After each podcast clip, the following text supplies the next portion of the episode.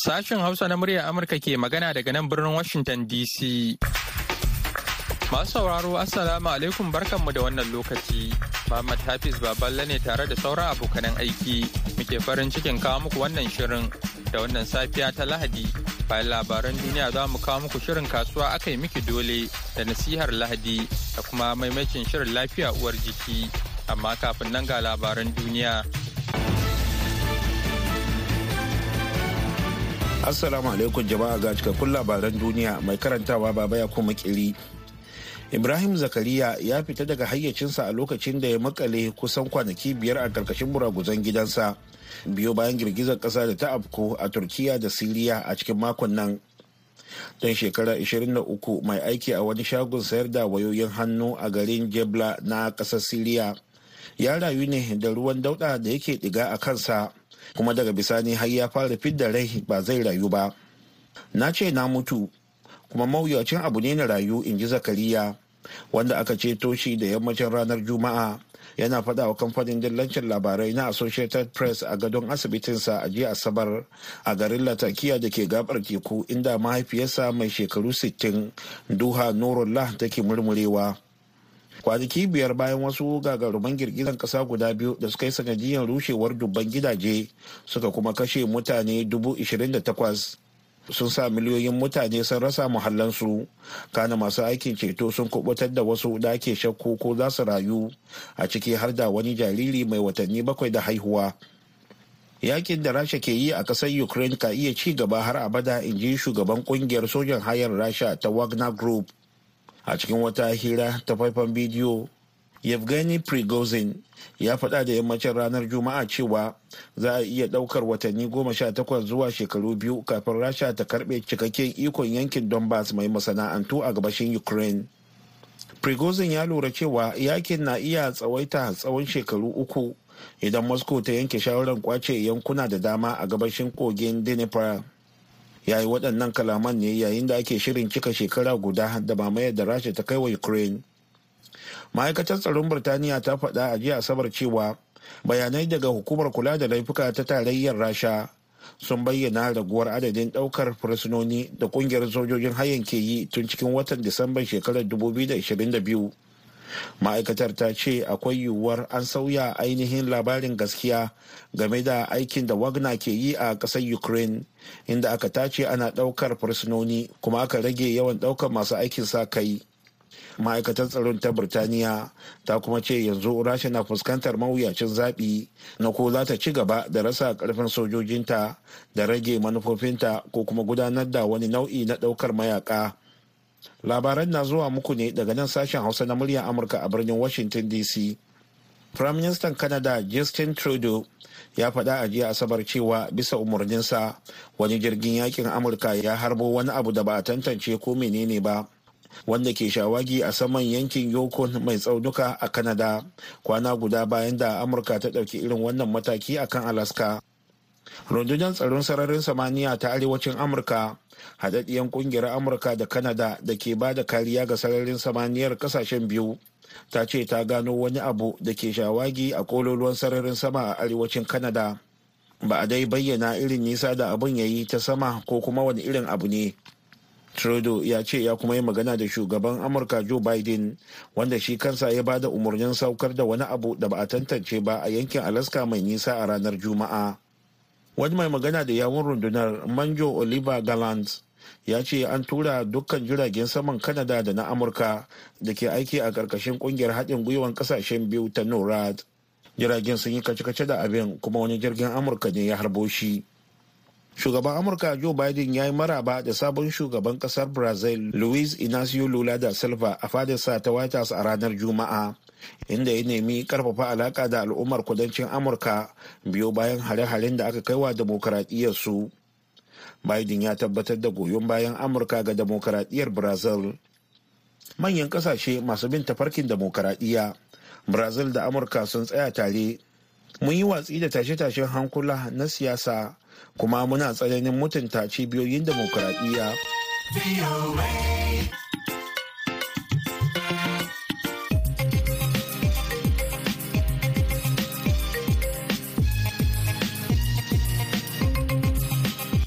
Labaran duniya kuka saurara daga nan sashen Hausa na muryar Amurka a birnin Washington DC.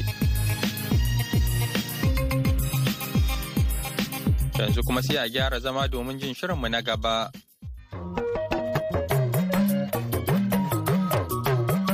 Shirin BOA Hausa. Kasuwa a kai mikido ne Kasuwa Kasuwa a ƙasashe ya take Kasuwa a ƙasar mu.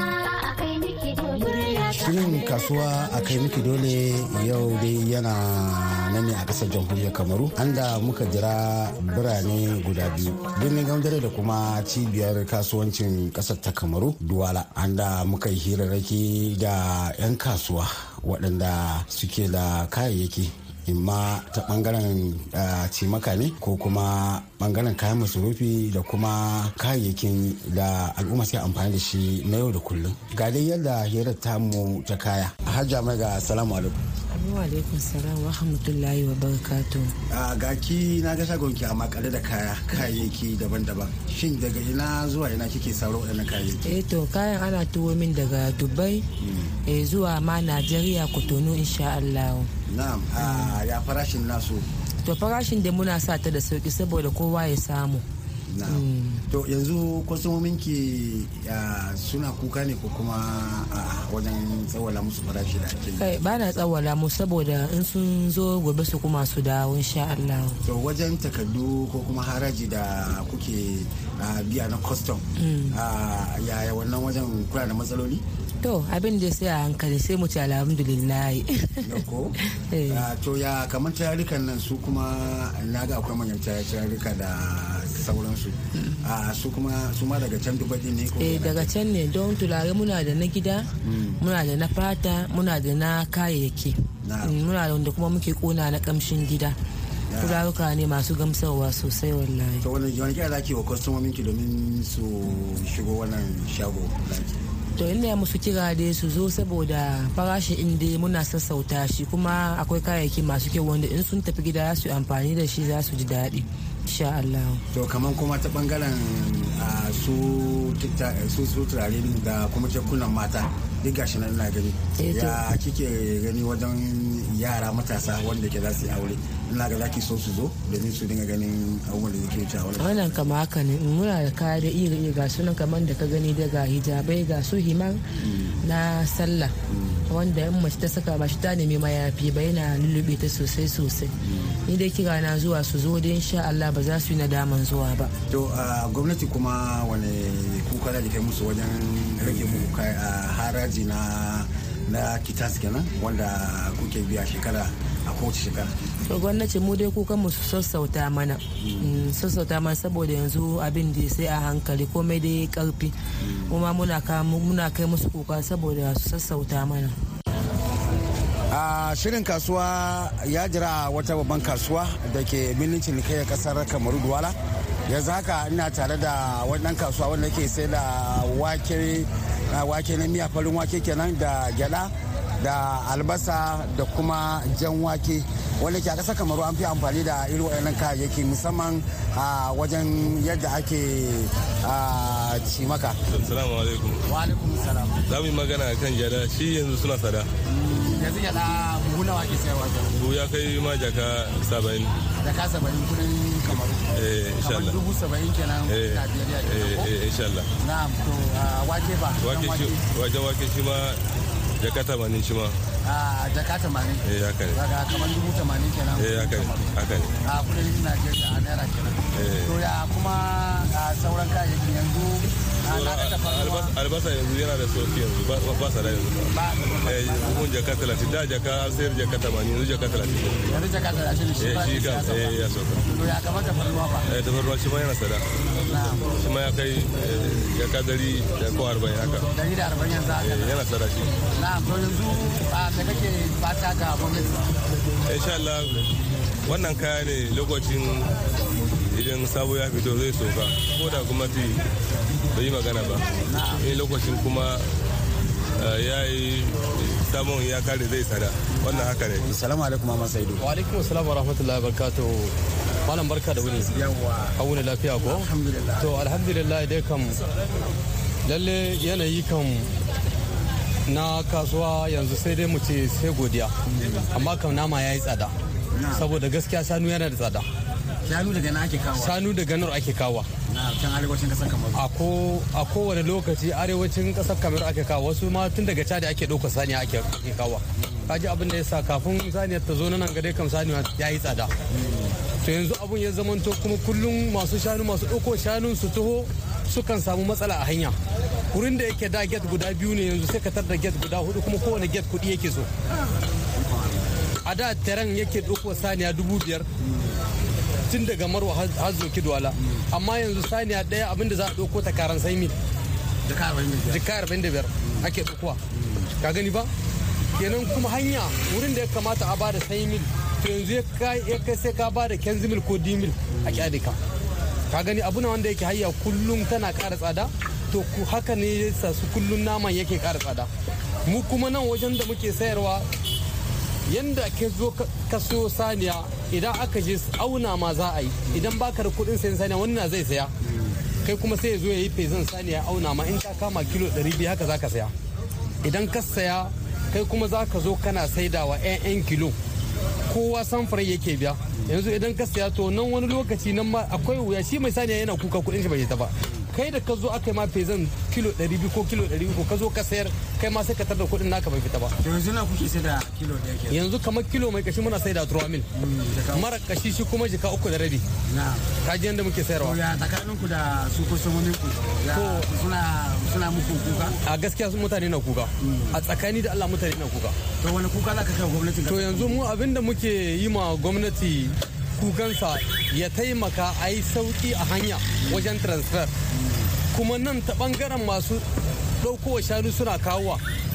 A gaskiya tsakani da Allah gwamnati ya kamata ta sa hannu a daga ciki. Saboda duk aikin da aka ce gwamnati ba sa hannu a daga ciki ba to talaka zai sha wahala. Saboda duk wanda ya zo ya sa kuɗinsa ya siyo to yanda ya ga dama zai yi da talaka inda mai kuɗi ne. To ana takura muku wajen ana ana takura mana sosai wallahi. A tsakani da Allah mu jama'a suna ana takurawa. Ana takura mana sosai. Alaihi salam sani salamu alaikum barka da warhaka. Alaikum salam wa rahmatullahi wa barakatuh. Ah, ga ka gani yau shirin kasuwa ya kawo maka ziyara. Ah, shin wannan kasuwanci da kuke gudanarwa a ƙasar kamaru ah, kuna samun mafita kuwa tsakaninku da kwastomominku to alhamdulillah mun gode wa Allah.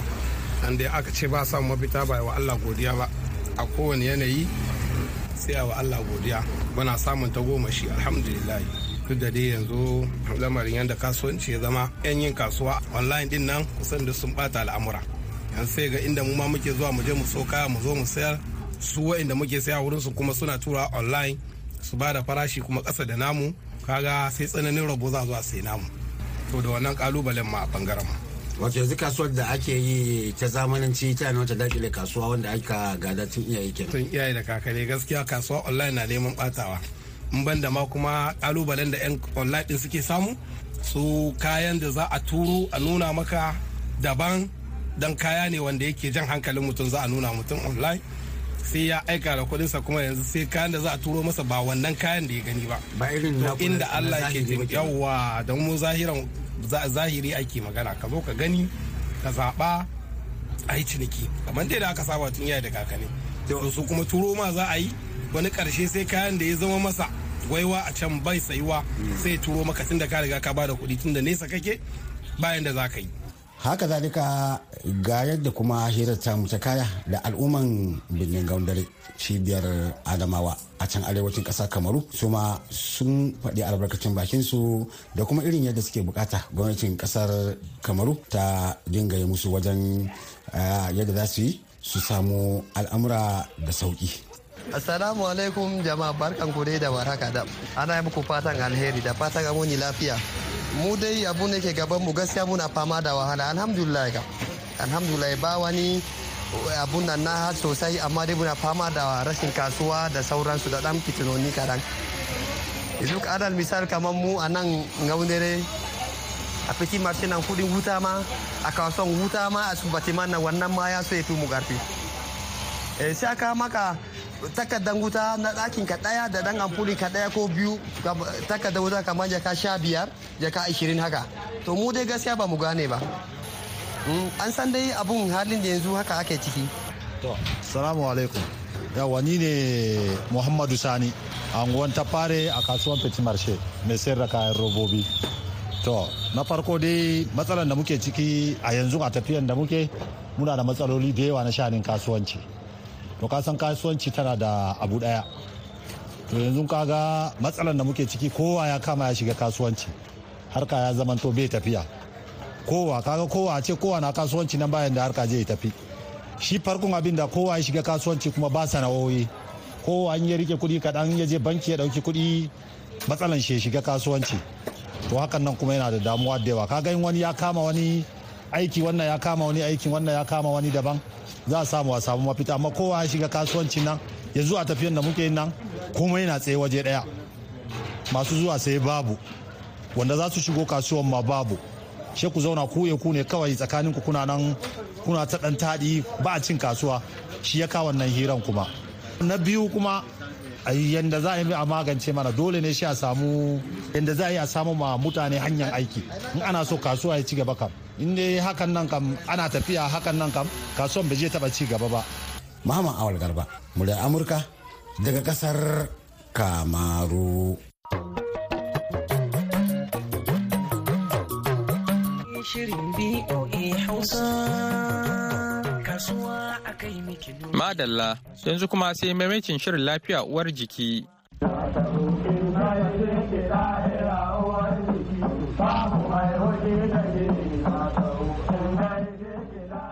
Jama'a masu sauraron mu barkanku da warhaka, barkanku da sake kasancewa tare da mu a cikin wani sabon shirin lafiya uwar jiki tare da ni Hauwa Umar. Ganin cewa yanzu mun fara shiga yanayi na zafi kuma akwai cututtuka da ake cin karo da su a wannan lokaci. Shirin lafiya uwar jiki na wannan mako ya ga ya dace tattauna akan wannan batu don wayar da kan jama'a domin ɗaukar matakan kariya.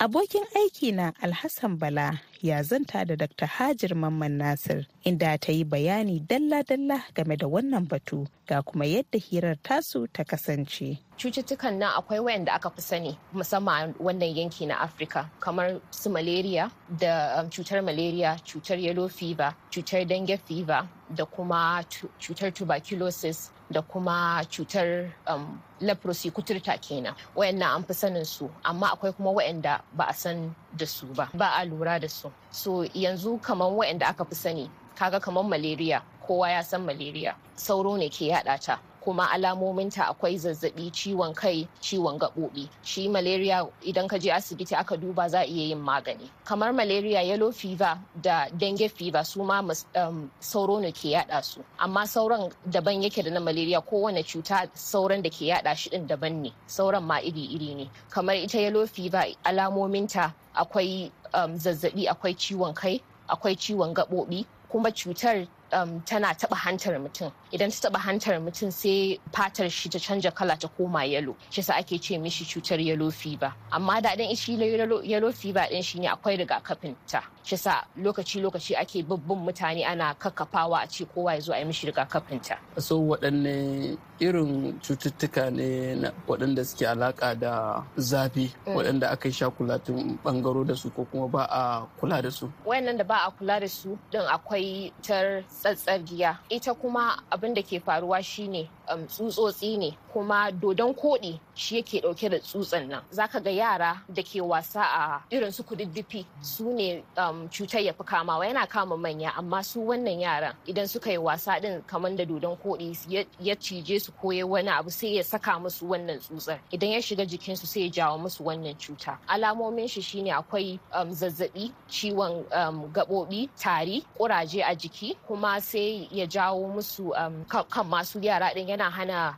girma da fahimtar abu yadda ya kamata. Yana jawo ciwon koda da ciwon hanta. Idan ya kai wani idan ba a yi ba da magani ba ko ba a yi maganinta da wuri ba yana iya jawo har da kansar mafitsara abubuwan kenan. Kuma um, a cikin alamomin ma bayan su tari da kuraje ɗin nan akwai gudawa da jini da ciwon ciki da kuma jini a cikin fitsari. Shi sa ma suna ake cewa fitsari da jini. Bayan wannan akwai cutar river blindness. Wato cutar dundumi. Eh shi dundumi din. Shi ma akwai wani kuda ne yake yada cutar. Kuda din ba irin wannan kuda da ake gani ba. Shi wannan kuda din daban ne amma kuda ne shi yana da girma kuma baki ne. Shi ma tsutsa ne idan kuda din ya ɗauki tsutsar dukkan tsutsotsin kanana ne ba a iya ganin su. Sai idan ya ciji mutum haka zai saka wa mutum cutar. So alamomin shine um, zazzaɓi da kuma um, kuraje a jiki gaba ɗaya da kuma kaikayin fata. Um, sai kuma abin da ya faru daga baya sai fatar mutum ta koma kaman kadangare sai ta tattauye kaman fatar kadangare kuma bayan wani wani lokaci idan ba a yi magani ba mutum sai ya makance. Ya so wannan cuta tana dawo jawo makanta. Akwai kuma wata cutar da ake kira um, soil transmitted helminthiasis. Ana samun ta daga ƙasa kenan. eh ita daga ƙasa ake samun ta ita ma wata irin tsutsa ce.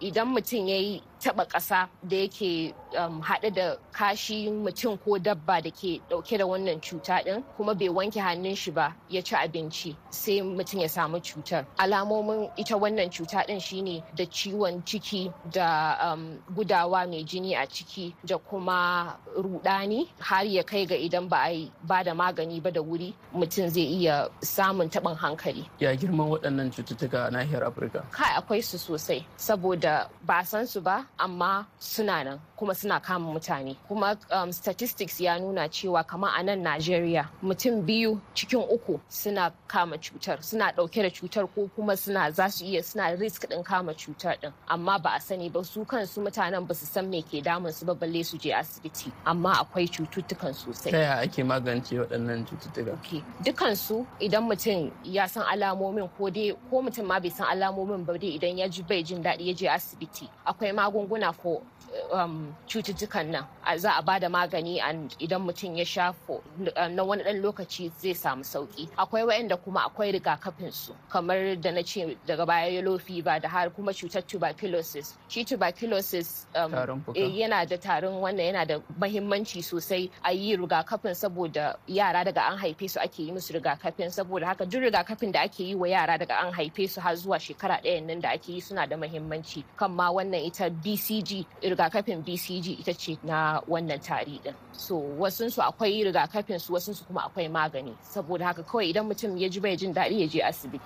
Idan mace mai ciki tana ɗauke da irin waɗannan cututtuka da ke da alaƙa da da zafi kuma waɗanda aka yi shakulatin ɓangaro da su misali irin su yawa irin su dindimi misali ko abin da ya shafi ido idan tana da ciki kuma ta haihu akwai yiwuwar ɗan na iya kama da wannan ciwo kuwa? A'a su wayannan akwai cututtukan da yaro na iya samu idan yana ciki amma wannan ba sa cikinsu. Wannan shi sa um, awo idan mace tana da ciki yake da mahimmanci saboda haka idan ta je awo ɗin nan za a duba ta idan akwai abin da ke damun ta kaga lokacin za a gane tun wuri sai a fara ba da magani. Saboda haka shi sa yana da mahimmanci idan mace tana da ciki ta rinka zuwa awo ɗin nan akai akai lokacin da aka ce mata ta je ta tabbata ta je. Waɗanne irin shawarwari zaki bayarwa al'umma musamman a nan afirka dangane da waɗannan cututtuka da suke alaƙa da zafi waɗanda kuma mutane ba ma su cika lura da su ba. Na farko idan mutum ba shi da lafiya ya je asibiti ta nan za a gane me ke damun shi. Bayan nan kuma abin da mutane za su iya yi on community level a cikin al'umma shine tsabtace wuri. Kamar kwashe shara sharar wuri um, share kwata irin kududdufi ɗin nan dukka gyara wuraren naka kaga kamar sauro ɗin nan duk a um, kwata suke ko wuri mai datti dukka dai. In aka kwashe abubuwa ɗin nan kaga babu inda za su zauna har su yada cututtukan nan. Saboda haka mutum ya tsaftace jikin shi ya tsaftace mahallin shi. Yana da mahimmanci. Kuma idan mutum bai da ruwan famfo ko kuma kaga ruwan kogi yana wucewa shi yana da tsafta. Amma kamar ruwa irin na kududdufi da yana wuri ɗaya ɗin nan idan mutum ruwan da yake da kenan ya tabbata ya dafa shi kafin ya amfani da shi. Wannan duk hanyoyi ne da mutum zai iya bi ya taimaka wa kanshi wajen karewa daga waɗannan cututtuka. Masu sauraro kada ku sha'afa kuna sauraron shirin lafiya uwar jiki ne daga nan sashen Hausa na muryar Amurka. Har ila yau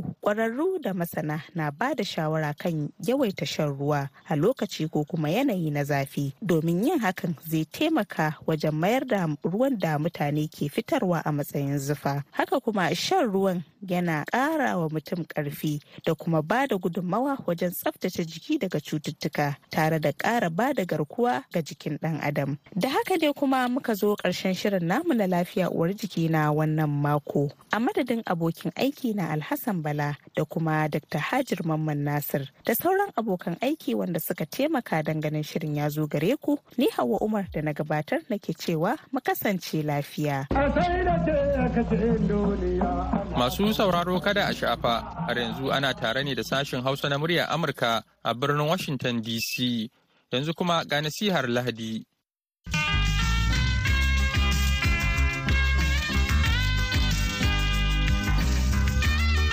Sunana pastor yohana waidi buru. Ina aiki ecclesia a christ evangelical and life intervention fellowship cikin garin kaduna. Bai caka ina shugabantar ƙungiyar farfadar zaman lafiya da sasantawa tsakanin musulmai kristoci da mabawanta addini a nigeria. Jama'a dole kowane mutum ya ji tsoron allah domin littafin mai tsarki ya yi mana maganar zaman lafiya a littafin matta sura biyar aya tara. Da cewa masu albarka ne ku masu sada zumunci ko kuwa masu wanzar da zaman lafiya. To ko kai musulmi ne ko kai krista ne ko kana bin wata addini daban to ga magana nan. Maganar zaman lafiya ba na krista kadai ba ko na musulmi kadai bil'adama ne gaba ɗaya har da dabbobi da muhalli na bukatan zaman lafiya. Duk abin da ke da rai na bukatan zaman lafiya. Domin da haka ina so in kira ga ya ku matasa matasan najeriya tun daga arewa har najeriya gaba ɗaya matasan kristoci ne ko matasan musulmai? Mun san cewa akwai tarbiyya irin ta addinin krista ko ta addinin musulunci. Akwai tarbiyya irin ta iyaye da aka yi mana tun muna yara. Akwai tarbiyyar da aka yi mana ko ta ilimin boko ko ta ilimin addini. Domin da haka ina son kira ga ku matasa an fara kugen siyasa kakan siyasa ta bayana masu cin da zufanku sun saba za su yaudare ku. Akan son biyan wa kansu buƙata da iyalansu. Su yi amfani da ku don samu kuri'u su ci zaɓe a maranar rantsar da su ba za ma tuna akwai talaka a ƙasar nan ba sai dai su da iyalansu da abokanansu. Ko ku a baku kwaye ko yan kuɗi don ku sai da yancin ku. To don allah matasan arewa don Allah matasan Najeriya ku ji tsoron Allah. Kada amfani da ku wai a je a yi bangan siyasa a je ana fada ana kashe-kashe ko kuwa a zub da jini wai domin a biya wani buƙata kuma a barka a tutan babu. Ina roƙon ku matasa kada ku sai da yancin ku. Zabi na gari na kowa mai tsoron Allah. Kada kuma amfani da ku akan cewa ku yaki wani domin ko kuwa fatin ku ba ɗaya ba ko kuwa kabila ko jinsi ko addini ko ɓangare. Kada ku yadda a yaudare ku. An daɗe ana mana yaudara. An daɗe kuma ana zaɓen tumun dare. Don Allah ina kira gare ku matasa ku ji tsoron Allah. Ku zama masu wanzar da zaman lafiya kowane mataki ku zama masu tsoron Allah kowane mataki. Kada ku yarda amfani da ku a cutar da wani a wannan kakan zaɓen. Bari Allah Ubangiji ya bishe mu da musulmai da kristoci da sauran mabanta addinai a Najeriya. Mu san kiman rai da kiman kawunanmu da kiman addinanmu da irin tarbiyya irin ta addinanmu domin kada mu ga su amfani da musu cutar da mu. Allah shi ba mu zaman lafiya a Najeriya. Wannan shirin na zuwar muku ne kai tsaye daga nan sashin Hausa na muryar Amurka a birnin Washington DC. Ga masu sauraron mu a jamhuriyar Nijar za ku iya sauraron mu a tashar mu ta BOA Africa a kan mita 200.5. Baya ga haka a koda yaushe kuke so za ku iya zuwa shafukanmu na intanet wato a boahausa.com ko kuma sashin hausa.com ko kuma shafukanmu na sada zumunta Facebook da Twitter domin sauraron shirye-shiryenmu inda za ku kuma iya yin tsokaci da bayyana ra'ayoyi. Kuna kuma iya aiko mana da sakonninku ta hanyar imel a sashin hausa at boanews.com. Da haka ne kuma muka kawo ƙarshen shirin namu a wannan lokaci sai kuma da rana ku ji abokanan aikinmu da wani sabon shirin da ya haɗa da matasa a duniyar gizo. Za ku iya samun ƙarin haske kan dukkan rahotannin da muka gabatar har ma da ƙari a shafinmu na intanet voahausa.com da kuma shafinmu na sada zumunta Facebook da kuma Twitter. Yanzu a madadin dukan waɗanda suka ba da gudunmawa ga nasarar wannan shirin da suka hada da Julie Gresham da ta hada shirin da ba da umarni Muhammad Hafiz Baballake sallama da ku a wuni lafiya.